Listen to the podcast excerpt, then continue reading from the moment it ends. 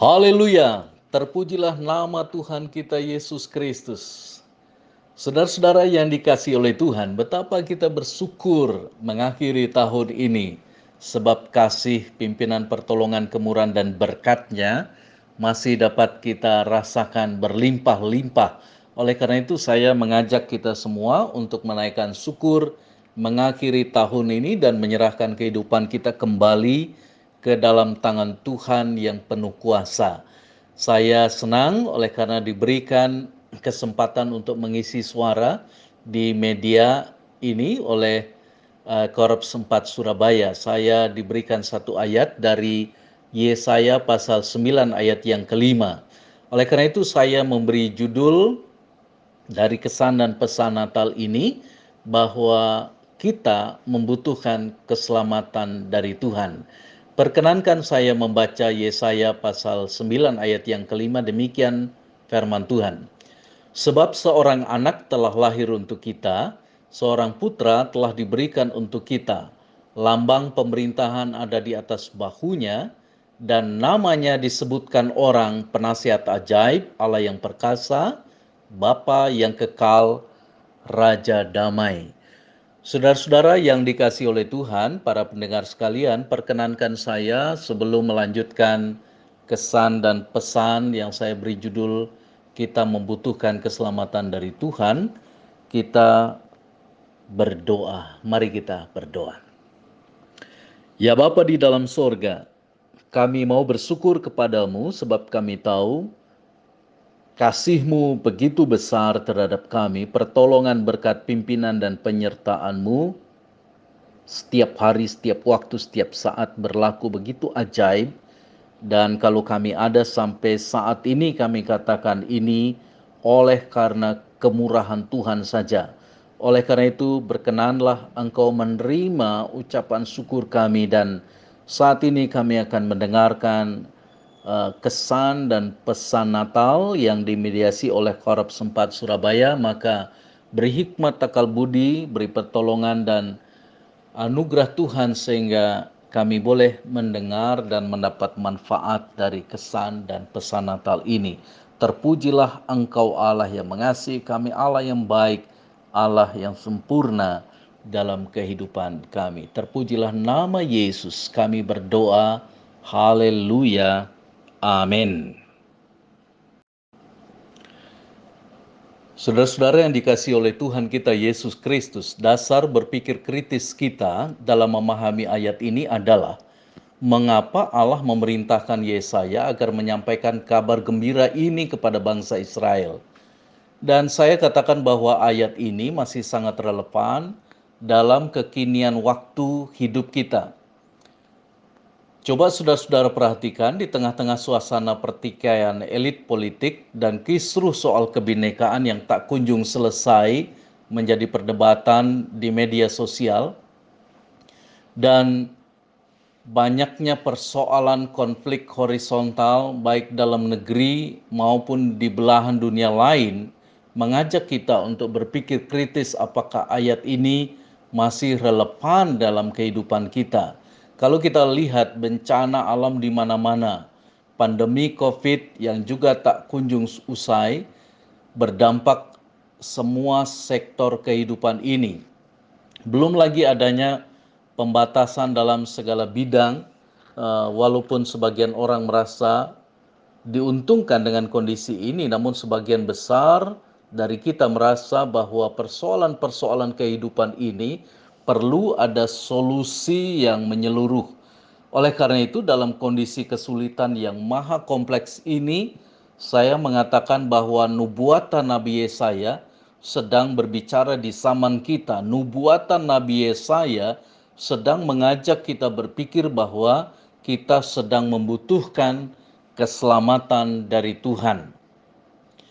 Kalau kita melihat ayat ini bahwa perkataan telah lahir dan telah diberikan untuk kita hendak membuktikan bahwa peristiwa yang dimaksud Yesaya sebenarnya sudah terjadi dan sudah ada di tengah-tengah kita sekarang.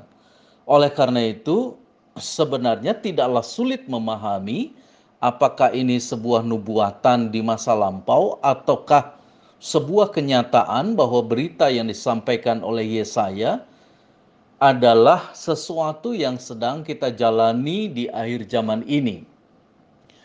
Jika kita menelisik ke zaman purba di mana penerima berita yang disampaikan oleh Nabi Yesaya adalah bangsa yang terbuang di Babilonia sebagai budak, masyarakat yang kehilangan jati diri, tidak berdaya, kehilangan pengharapan, dan bahkan sebuah bangsa yang tidak memiliki identitas kebangsaan lagi, sehingga setiap hari mereka merindukan kelepasan dan jawaban-jawaban dari persoalan hidup yang begitu kompleks, yang mendera kehidupan mereka hari demi hari.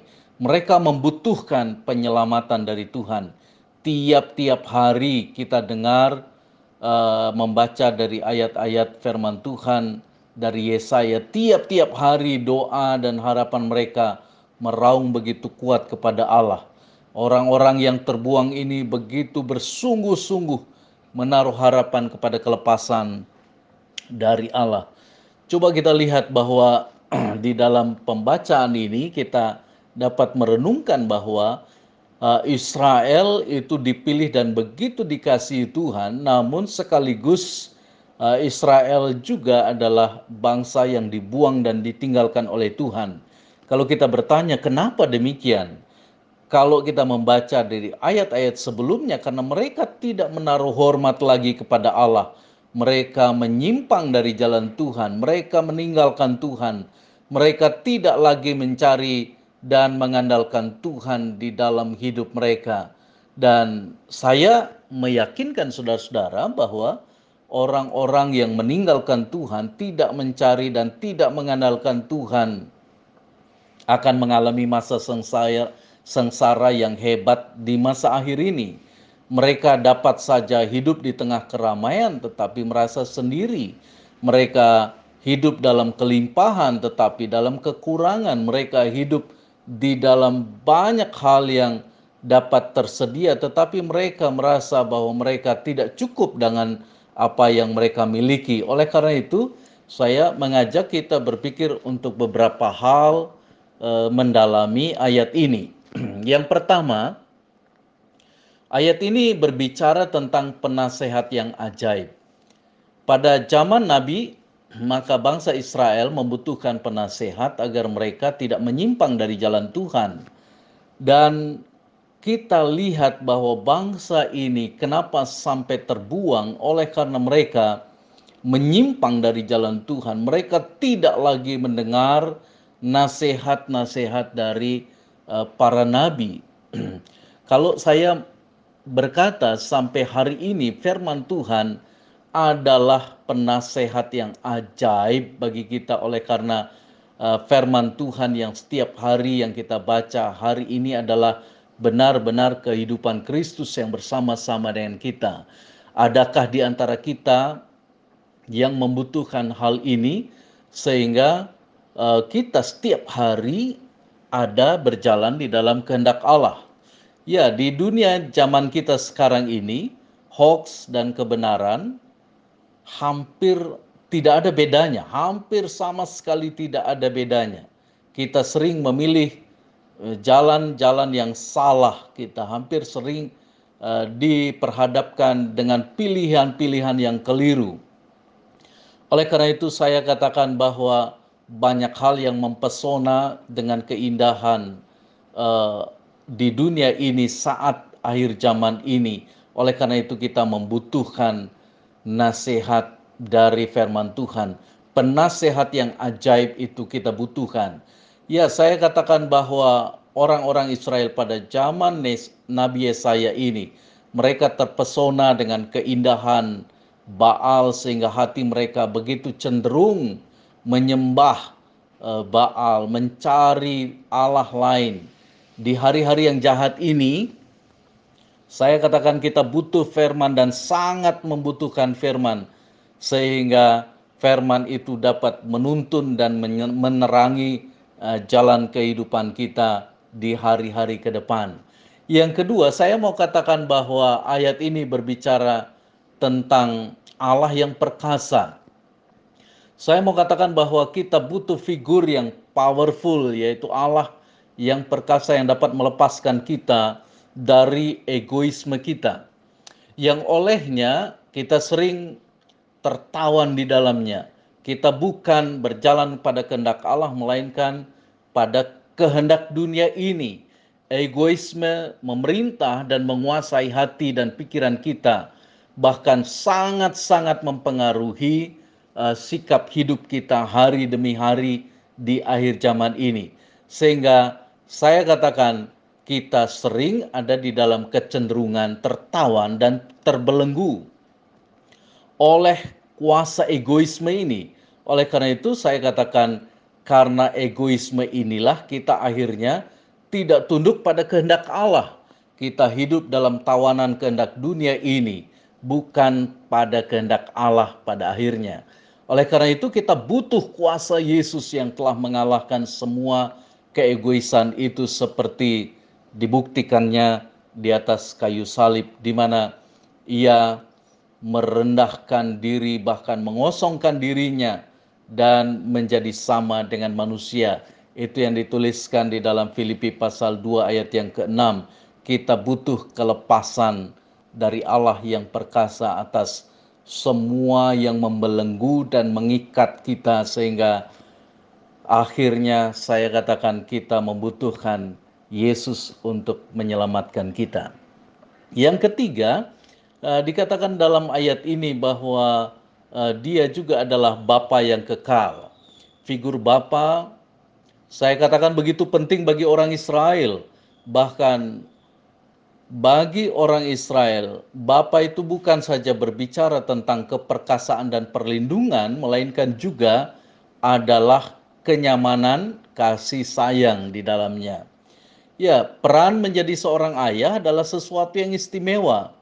Itu sebabnya Tuhan memakainya sebagai metafora untuk menggambarkan hubungannya dengan kita saat ini. Dalam hal ini kita tentu uh, saja mengabaikan dalam hal ini saya katakan kita tentu saja tidak mengabaikan peran seorang ibu yang sangat besar dalam membesarkan anak-anak tetapi kehadiran seorang ayah sangat berpengaruh besar dalam kehidupan seorang anak. Rasul Paulus menemukan masalah yang serupa terjadi di gereja Korintus. Kondisi saat itulah yang mendorongnya untuk menulis pesan yang cukup tajam. Ia berkata, "Sebab sekalipun kamu mempunyai beribu-ribu pendidik dalam Kristus, kamu tidak mempunyai banyak bapa, karena akulah yang dalam Kristus Yesus telah menjadi Bapamu oleh Injil yang kuberitakan kepadamu. Di dalam 1 Korintus 4 ayat yang ke-15. Ayat ini berbicara tentang Bapa yang kekal, berarti bukan saja berlaku di dunia ini, tetapi sampai kesudahan zaman, di mana kasih sayang Allah sebagai Bapa memberikan perlindungan, memberikan pemeliharaan yang tetap untuk selamanya kepada saudara dan saya. Dan yang terakhir saya mau katakan bahwa ayat ini berbicara tentang uh, damai, eh, raja damai. Dalam nubuatan ini kita sangat sadari bahwa di tengah bangsa yang terbuang menjadi budak, bangsa Israel membutuhkan seorang raja yang dapat membawa damai sejahtera dalam hidup mereka. Apakah kita menyadari bahwa setiap hari atau setiap waktu kita ada dalam kondisi yang sama seperti bangsa Israel yang dalam pembuangan ini? Kita kehilangan damai sejahtera oleh banyak persoalan kehidupan ini.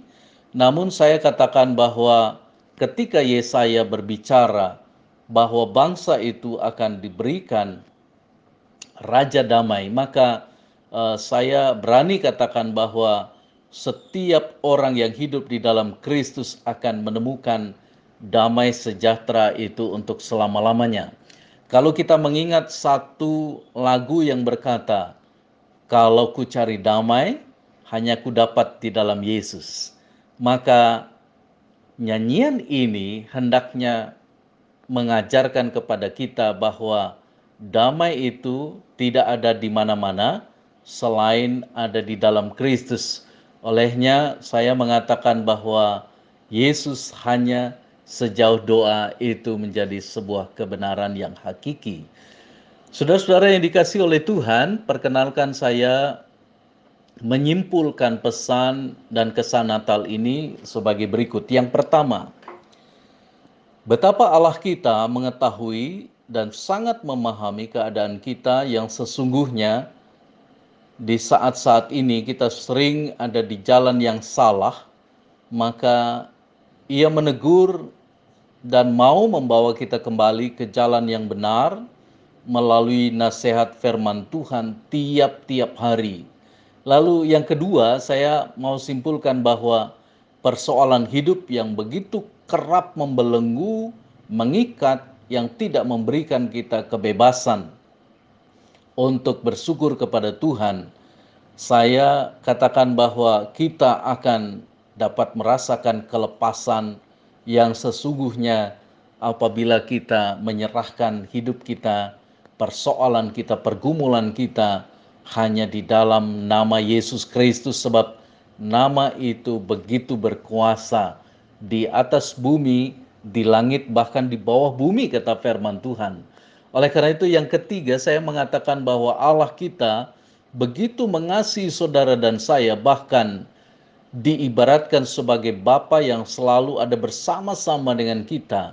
Jika Bapa di dunia ini saja tahu memberi pemberian yang baik, apalagi Bapamu yang di sorga. Demikian firman Tuhan katakan di dalam Matius pasal yang ketujuh ayat yang ke-11. Saya berani mengatakan bahwa dialah Allah Bapa kita yang begitu memahami, begitu mengasihi dan begitu mencintai kita sehingga dia selalu bersama-sama di dalam hidup kita bahkan saat kita menghadapi persoalan-persoalan pergumulan yang sangat hebat maka ia hanya sejauh doa. Yakinlah bahwa saat kita kehilangan damai sejahtera di tengah-tengah pergumulan kehidupan ini di tempat yang sangat tepat adalah di mana kita mau berseru kepada Tuhan di dalam nama Yesus Kristus. Oleh karena itu, sebab seorang anak telah dilahirkan untuk kita, seorang putra telah diberikan untuk kita maka bersyukurlah kepada Tuhan.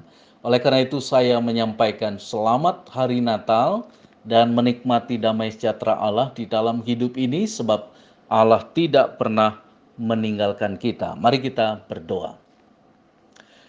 Ya Bapa di dalam sorga, betapa besar kasihmu kepada dunia ini, kepada kami, kepada semua saudara-saudara pendengar, yang saat ini sedang mendengarkan berita pesan dan kesan Natal ini. Maka biarlah keselamatan dari Allah yang sangat kami perlukan, kami membutuhkan kelepasan, pemulihan. Kami rindu diberkati, kami rindu mendapat perlindungan tangan Allah yang perkasa. Kami rindu damai sejahtera-Mu menyertai kami. Oleh karena itu ya Bapa, maka Datanglah dalam hidup kami, dalam persoalan dan pergumulan kami, dan terimalah ucapan syukur kami mengakhiri tahun ini. Betapa kami boleh bersyukur dalam segala hal, sebab kami tahu Engkau sungguh baik dan teramat baik. Terpujilah nama Yesus yang memberkati semua pendengar. Terpujilah nama Yesus yang mengasihi semua pendengar. Terpujilah Allah Bapa di sorga yang berkatnya berlimpah hari ini sampai selama-lamanya. Amin.